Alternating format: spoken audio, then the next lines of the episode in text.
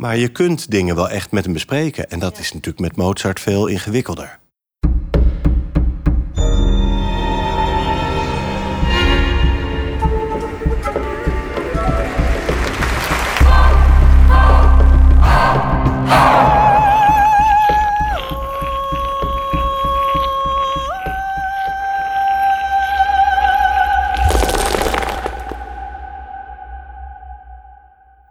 Je luistert naar De Ofkast, waarin ik je meeneem in de wereld van opera. Mijn naam is Emma Leswie. Ik ben theatermaker, documentairemaker en schrijver. En ik ga in deze podcastreeks op zoek naar antwoord op de vraag: wat is dat nu eigenlijk, opera? In deze aflevering staat Eurydice, die liebende blind, centraal, een nieuwe opera van componist Manfred Trojan in de regie van Pierre Audi. Zij geven een geheel eigen lezing van de mythe van Orpheus, de kunstenaar die afreist naar de onderwereld om zijn overleden geliefde Eurydice terug te halen. Ik praat erover met Klaus Bertisch, dramaturg van deze productie, en bariton Thomas Olimans, die de rol van Pluton, de god van de onderwereld, voor zijn rekening neemt. Welkom beiden. Dankjewel. Hallo. Hallo. Klaus, de mythe van Orpheus, hoe zat dat ook alweer? Waar gaat het over? Nou, de mythe, dat komt natuurlijk van Ovidius uit de Metamorfose. En ehm, hij is een kunstenaar die met zijn zang iedereen, alle dieren, alle mensen kan betoveren. Stenen zelfs ook Stenen nog. zelfs ja, tot, wenen. tranen kon roeren. Ja. Ja. Brengt. Ehm, die eh, trouwt met Eurydice. En die, of Orphee trouwt met Eurydice. Maar zij wordt, dat is de mythe, wordt gebeten door een slang. Overlijdt onmiddellijk en wordt dus naar de onderwereld eh, gebracht. Of gaat naar de onderwereld. En ehm, ja, hij probeert haar te volgen, wil haar terughalen. En de eh, conditie is dan eigenlijk: hij mag haar wel terugnemen, maar hij mag niet omkijken. En ah, dat doet hij wel. En Eurydice, Eurydice overlijdt. Dat is de oorspronkelijke mythe, heel kort eh, even gezegd. En wat gaan we in deze opera zien? Nou, we zien wel een reis naar de onderwereld. We zien wel dat ze overlijdt. Maar we beleven in deze opera, en daarom heet ze ook Eurydice, die liebenden blind. En geen Eurydice, wat ik net zei. Ik zei het eigenlijk verkeerd, Ja, hè? het, het, het was bijna eh, alsof je het op zijn Italiaanse uitspreekt. Want Oh, het ja. is ook wel Dat is verwarrend. ook het moeilijke. Ik heb er ook de componist over gemaild van wat wilt u nu met deze namen? Want de namen zijn allemaal in het Frans, Hmm. eigenlijk in het libretto terechtgekomen in de partituur. En terwijl je denkt de rest van de tekst is in het Duits, dus wat moeten we er nou mee? Dus de verwarring is helemaal niet zo gek hoor, maar het is inderdaad Eurydice. Eurydice. Eurydice. Ja, wij spreken de namen allemaal in het Frans uit. Het was ook de bedoeling ooit van Manfred Trojan om deze opera in het Frans te schrijven. En hij neemt ook onder andere eh eh Pelléas et Mélisande van Debussy als een groot voorbeeld eh, voor de manier van praten enzovoort. Dus dat, daarom heeft het een beetje een Franse smaak, deze productie. En Maar hij heeft dat niet ook- gedaan. Het is niet in het Frans. Nee, dat was natuurlijk tussen ons een grote discussie, want ehm, het verhaal is niet Frans. Hij wilde zelf zijn libretto schrijven, maar is geen Fransman. En eh, toen heb ik hem toch weten te overtuigen dat het beter in zijn eigen moedertaal kan. Ja, Dat is ook prachtig geworden qua Ik vind ook vind Ja. het prachtig Ja. gelukt. Ja, het- Ja, en wat, Ja. wat, gaan we, wat gaan we zien? Wat gaan we meemaken? ja, Je eh, kijkt naar Nou ja, Thomas. dat, vind- dat vinden we zelf. eh, ik eh, sta er natuurlijk in straks als, als rol, eh, in de rol van Pluton, eh, god van de onderwereld. Onder andere. Want wat bijzonder is aan dit stuk ook, denk ik, nog afgezien van hoe de productie gaat worden, die denk ik sowieso ook heel bijzonder gaat worden, is dat eh, iedereen kent de naam Eurydice, Eurydice of hoe we er ook noemen. Maar wie was ze dan eigenlijk? We weten wel dat Orpheus er zoveel over zingt en er zoveel mee moet. Maar het is bijna een echt een, of nou bijna, het is eigenlijk een omdraaiing van het verhaal. Eurydice staat echt heel erg centraal. En zeker met een nieuw stuk, eh, hoe goed kun je zo'n nieuw stuk kennen als je daaraan begint? Nou, ik ken in ieder geval de stukken die ik zelf moet doen goed. Dus laat ik daar wat over zeggen. Wat ik mooi vind aan wat eh, Manfred Trojan gedaan heeft met de figuur van Pluton, is dat ik kom in allerlei gedaantes langs. En eigenlijk de hele eerste acte zou je kunnen zien als the worst date in history of zo. Want eh, Orpheus en Eurydice komen elkaar, Eurydice komen elkaar tegen. Daar ga je al. Hebben een ontmoeting, daar ga je al. En tijdens die eerste date komen drie van haar exen langs. Of in ieder geval, dat idee heeft ze.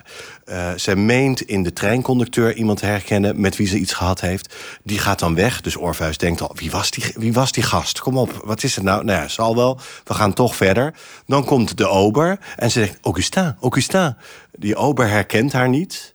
Maar weer is het een ex, is het iemand. En dat biedt ook aanknopingspunten voor allerlei vragen waar Eurydice ook prachtige antwoorden op geeft. Dat hij zegt, wie was die man? Zou jij naar die man teruggaan als hij het je zou vragen? Uh, dus de hele jaloezie van uh, over een verleden. Het proberen terug te draaien wat gebeurd is en wat je niet terug kunt halen. Dus waar de Orpheus-mythe heel erg over gaat. Namelijk, iemand is overleden, iemand is bij je weg, je bent in rouw. Is dat omkeerbaar? Kun je de dood bezweren door muziek? Kun je door kunst de dood bezweren? Of kun je herinnering bezweren? Dat zit hier ook allemaal in, maar wel in een soort omdraaiing. En de vrouw staat dus heel erg centraal. Ja, nou in ieder geval. Vanuit de vrouw dit keer. Ja, en in ieder geval. Uh, We krijgen heel veel meer van haar eigen biografie mee. Wat, wat in die andere ja, vertoningen of... Uh, of in de mythe zelf ook mythe, krijgen we dat niet te horen. Zo. We weten eigenlijk van haar niks. En hier opeens door het feit dat we mannen tegenkomen... die blijkbaar iets met haar gehad hebben... krijgt deze vrouw een biografie. En dat vind ik zo, zo spannend. Dat daar nog nooit iemand over nagedacht heeft. Wie is dat eigenlijk? Wat, is haar psyche eigenlijk? Wat zijn haar gevoelens, emoties als ze over dat verleden nadenkt? En dat is denk ik het grote punt van die opera. Ja, en tegelijkertijd voedt dat ook in, in wat ik ervan meekrijg. Orfee of Orpheus, omdat een bepaalde, bepaalde bezetenheid zit al in de mythe. Want hij moet natuurlijk, hij kan dat niet loslaten. En hier is het bijna alsof hij ook, doordat hij voor zijn gevoel strijd moet leveren met, laten we zeggen, haar exen op een bepaalde manier, uh, met haar verleden. Dus hij moet haar ook terugwinnen op haar eigen leven. En die bezetenheid die Orpheus ook in de mythe sowieso heeft... die komt hier dus ook mooi in terug. Want op een gegeven moment zegt hij... wie ben je eigenlijk? Ben je nu Eurydice of ben je nu de koningin? Welke macht heb je over mij? En dan op het moment dat zij overleden is... dat gebeurt aan het eind van de eerste acte... Ja. Uh, komt hij halverwege de tweede acte Pluton ook weer tegen... Uh, en is op zoek en roept Eurydice, Eurydice, ik ben er, ik ben nu jouw Orfee. Dus bijna ik stap deze vertelling met jou in. Dus ik wil eigenlijk dit verhaal, deze relatie met jou aangaan. En dat is natuurlijk ook wel een mooie metafoor over wat het is om überhaupt met iemand iets te beginnen. Mm -hmm. want je tast af wie ben je, uh, in hoeverre word je bepaald door je verleden, ben je er dan nog? Uh, Oké, okay, ik doe dit spel met je mee. En dus dat gebruikt Trojan ook in die vertelling op die manier. Ja, wat maakt die muziek zo speciaal? Want hoe zou je die muziek omschrijven? Nou ja, dat is voor ons eigenlijk ook nog steeds, zoals altijd in een, in een, in een wereldcreatie of in een wereldpremière, heel erg spannend. Want wat wij nu, sowieso de vocale lijnen, vind ik erg mooi geschreven. En ook erg vanuit de tekst geschreven. En ook erg vanuit Duitse opera en de Duitse geschiedenis geschreven. Uh, niet omdat heel traditionalistisch, maar gewoon dat is. Uh, dat heeft een, een sprekende logica. Uh, Hoe bedoel je dat? Nou ja, je, je hebt ook moderne stukken die kunnen heel erg, zeg maar, ook tegen tekst ingaan of tegen stemvoering. Maar hier zitten bepaalde gebaren in, in de manier van zingen, die je ook herkent uit opera zoals we opera kennen. Dus het is echt operatesk. Het is niet zozeer heel abstract wat dat betreft. Maar bijvoorbeeld de orkestpartij, die horen wij nu niet. We repeteren met piano. Uh, dat is een, echt, een, echt een reductie. Dat klinkt op zelfs met fantastische pianisten die we hebben. Een uh, fantastische Italiaan, Fabio Cerroni en Ernst Munneke spelen. Dat is een enorme kluif. Maar dat klinkt nog steeds allemaal als een piano. En dan zien wij in de partij staan. Dit zijn uh, strijkers, daar zit hobo. Maar hoe dat allemaal zich gaat verhouden... Dat, dat weet je nog niet. Nee, dat ontdekken wij pas op het moment dat we de eerste zitsprobe, noem je dat dan, in de, in de Netvo-koepel hebt. Want het is het Nederlands Philharmonisch Orkest speelt straks.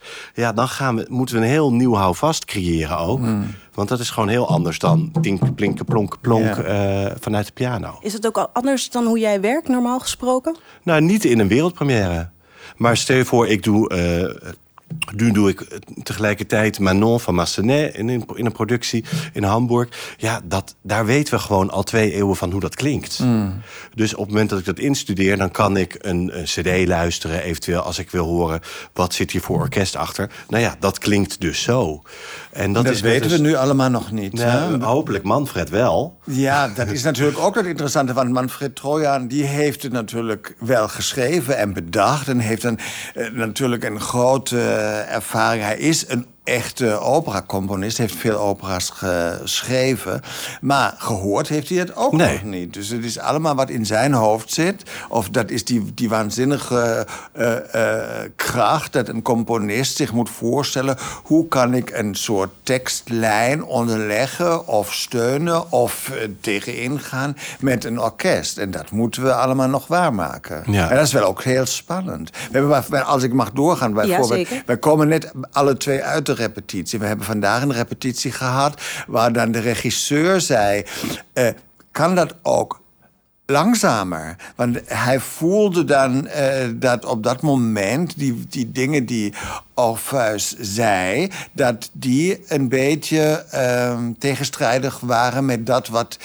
Of hoe de muziek op dat moment werd begrepen. Dus hebben we even ook geprobeerd of dat niet nog een beetje meer gerekt Met kan andere worden. kleuren en Ja. andere afwisseling. En, En dat is natuurlijk dat, dat, dat soort, ik wil maar noemen, zeggen, vindingsproces. Wat we Ja, allemaal veel doormaken. uitproberen nog. Ja. ja, nou, en, ook, wat ook zo, zo Niet fijn de is. lijnen, maar gewoon de intentie. Ja, en, en eh, Manfred Trojan is gewoon in, in the room. Hij is er gewoon ook. Dus je kunt ook dingen aan hem voorleggen. En ik heb in het voorveld ook... eh, voor we hier begonnen een aantal mails met hem eh, uitgewisseld. Omdat ik vragen had over van hoe zit dit nou? Hoe, eh, bijvoorbeeld met de tekst, maar ook deze karakters. En ja, dat is gewoon ontzettend fijn en leuk. En ik vind ook heel erg indrukwekkend hoe vrij hij tegelijkertijd ons daarin laat. Maar je kunt dingen wel echt met hem bespreken. En dat Ja. is natuurlijk met Mozart veel ingewikkelder. Dus afwachten dus hoe het te horen zal zijn. Maar en de teksten van Rainer Maria Rilke. Klaus, wat kan je ons daarover vertellen? Nou ja, dus ik zou zeggen, Rainer Maria Rilke... die heeft natuurlijk die prachtige eh sonnetten aan Orpheus geschreven. In twee delen, volgens mij. Zo goed weet ik het ook allemaal niet meer. Maar je zegt natuurlijk, voor de mensen die niet weten wie Rainer Rainer Maria, Maria Rilke, Rilke is. is een, een Duitse dichter uit eh, begin 20e eeuw, toch? Ja. En ehm, die heel bekend is voor zijn poëzie. Die hij heeft volgens mij één roman geschreven, maar voor de rest eigenlijk alleen maar gedichten. En ehm, heeft dus in twee delen die sonnetten aan Orpheus geschreven.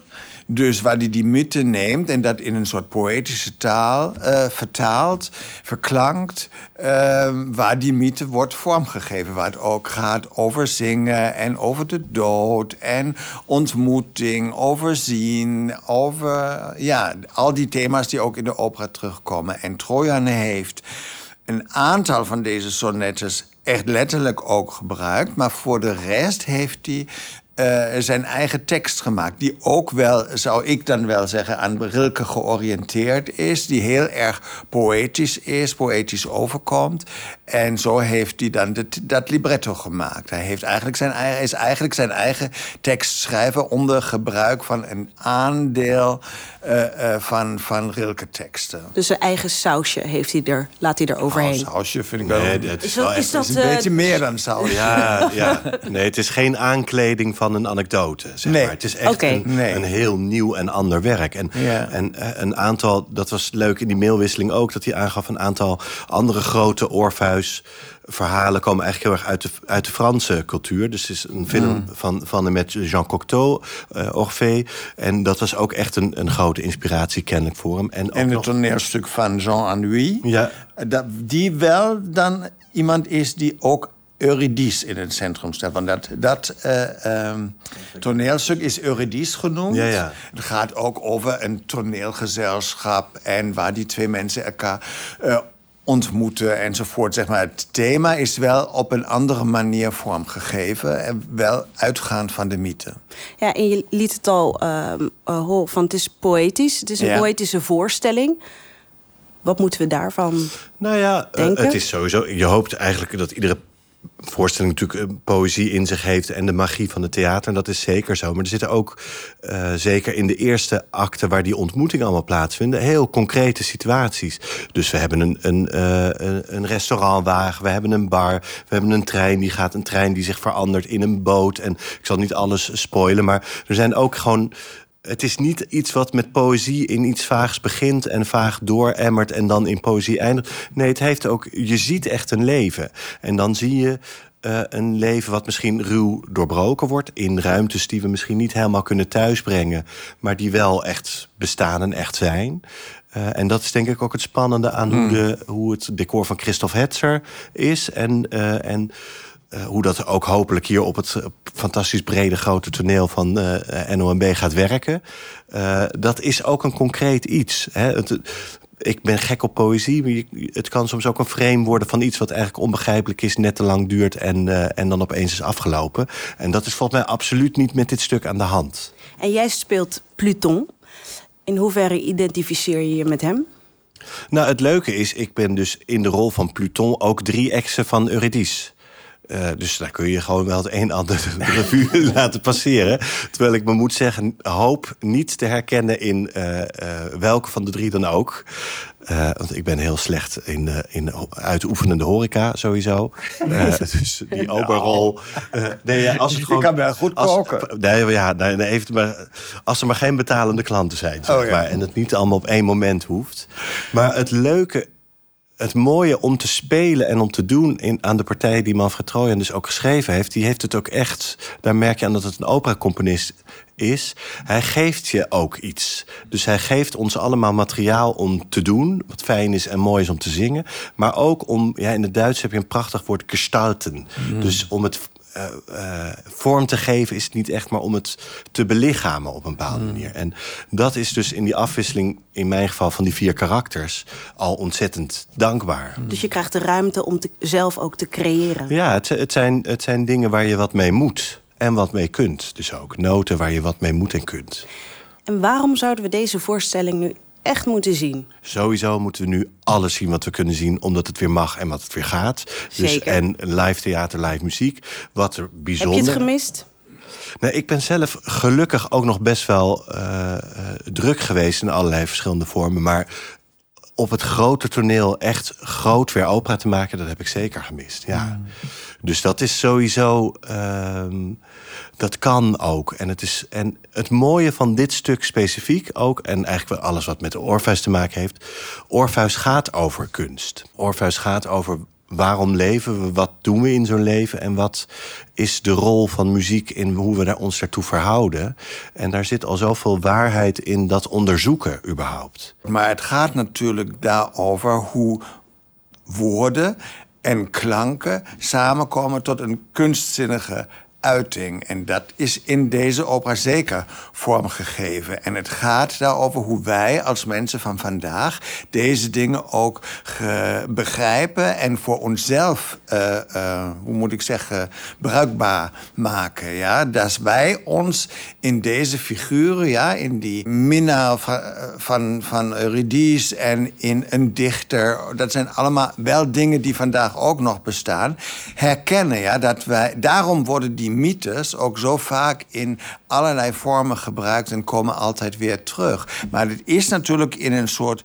Ik zeg dan weer poëtische vorm, maar dan bedoel ik niet alleen poëtisch in de zin van dichterlijk, maar ook muzikaal in een vorm gegoten, zodat het voor de toeschouwer en de luisteraar behapbaar is ook een vreselijk woord, maar behapbaar wordt dat wij ons aangesproken voelen Want het is natuurlijk zo, jij zingt ook niet als je nu met mij praat... of ik zing ook niet naar jou. Dat heeft altijd nog weer iets bijzonders. En dat moet het hebben, dat wij het tot ons nemen... en dan dit weer in ons eigen geheugen en in onze eigen hersenen omvormen en iets daaruit herkennen. En misschien ook leiden, mee juichen of uh, ja, meezingen bijna. Waar zijn jullie meest enthousiast over, over deze opera? Wat is, een, wat is een bijzonder fragment, moment of tijdens het repetitieproces? Nou, ik, uh, ik, ben heel erg benieuwd straks, als we de overgang weer gaan... we repeteren nu in studio's...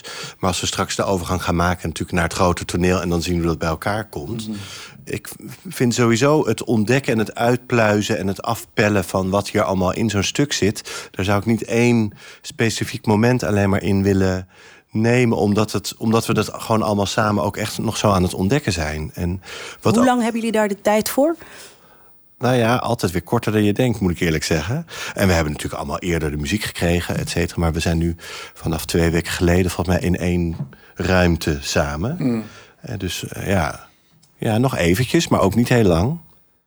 Ik ben wel veel langer daarmee bezig. Want ik ben ja, jij zat in het hele proces van al. Van de, eh, van de basis aan, van de eerste gedachten daarmee begonnen omdat ik met Trojan in die zin dan heb samengewerkt. Of hij mij ook als een soort klankbord heeft gebruikt. En uh, dat waren aan het begin allemaal losse ideeën die dan steeds meer en meer bij elkaar zijn gekomen. En waar dan ook momenten waren dat ik tegen hem moest zeggen... nu ga je eindelijk wat schrijven. Want wij willen natuurlijk ook, wij moeten ook voorbereiden. Of Pierre Audi en zijn decorontwerper moeten ook uh, iets maken. Ja, zodat ook een workshop kan beginnen met werken daaraan. Hoe ziet het decor eruit enzovoort.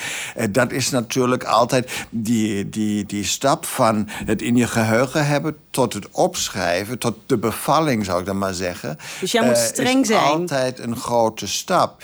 Ja, streng, ja, dat hoort er ook wel bij. Dus even een beetje vragen en uh, een beetje op het matje roepen... dat hoort daar ook een klein beetje bij, bij mijn taak, ja.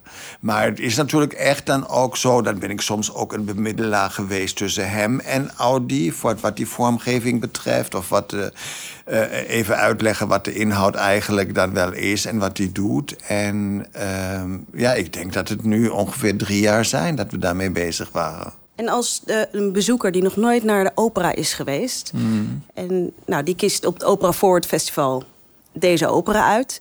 hebben ze voorkennis nodig?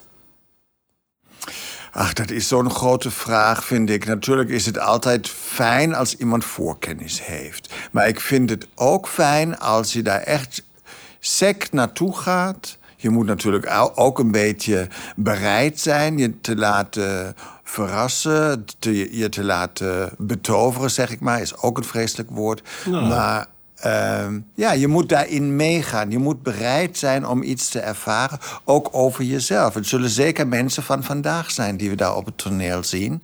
En uh, ja, het feest der herkenning, dat moet het worden. En de ene heeft het nodig om zich voor te bereiden ook. Om dat beter te begrijpen. Of die wil echt precies weten wat Thomas daar nu aan heeft. Of wat hij doet en waarom hij dat doet. Ik ook. En, ja, ik ook. Andere, Mensen mogen brieven sturen als ze het weten. Nee. Bij, bij anderen is dat dan niet zo. Ja? Die gaan dan echt... Uh, zonder voorkennis daar naartoe. En dat moet ook mogelijk zijn. De voorstelling moet ook uit zichzelf kunnen spreken. Nou, en en uh, ik vind voorkennis kan heel erg fijn zijn en heel erg verdiepen. Maar er zijn ook heel veel tussen aanhalingstekens liefhebbers... die zich op grond van voorkennis dus helemaal nergens meer van kunnen genieten. Ja. Dus in principe is gewoon het theater is samen in een ruimte... het licht gaat uit en kom maar. En natuurlijk, uh, wij doen er alles aan om mensen die wereld in te halen. Ook uh, er niet van uitgaande dat iedereen alles al weet over Orpheus en Eurydice en de film van Cocteau gezien heeft of andere dingen gelezen heeft. Als dat zo is, dan zullen mensen misschien andere dingen herkennen. Maar, maar wat we proberen te doen op het toneel en vanuit de bak, is theatrale situaties maken die iets vertellen. Hmm. Nu. Een feest der herkenning. Dat zei je net. Ja. ik vond het mooi gezegd. Ja. En ik vind het eigenlijk een mooie afsluiter. Een feest der herkenning zonder dat je uh, iets voorgekouds of algebakkens uh, krijgt. Ja, zichzelf herkennen, daarover gaat het voor mij heel vaak in de opera. Dank jullie wel. Super, graag gedaan. Je luisterde naar de Ofkast, een productie van de Nationale Opera. Eurydice, die liebende blind, is op 5, 8, 10, 13, 15 en 17 maart 2022 te zien in Nationale Opera en Ballet in Amsterdam tijdens het Opera Forward Festival. Voor meer informatie en tickets bezoek operaforward.nl.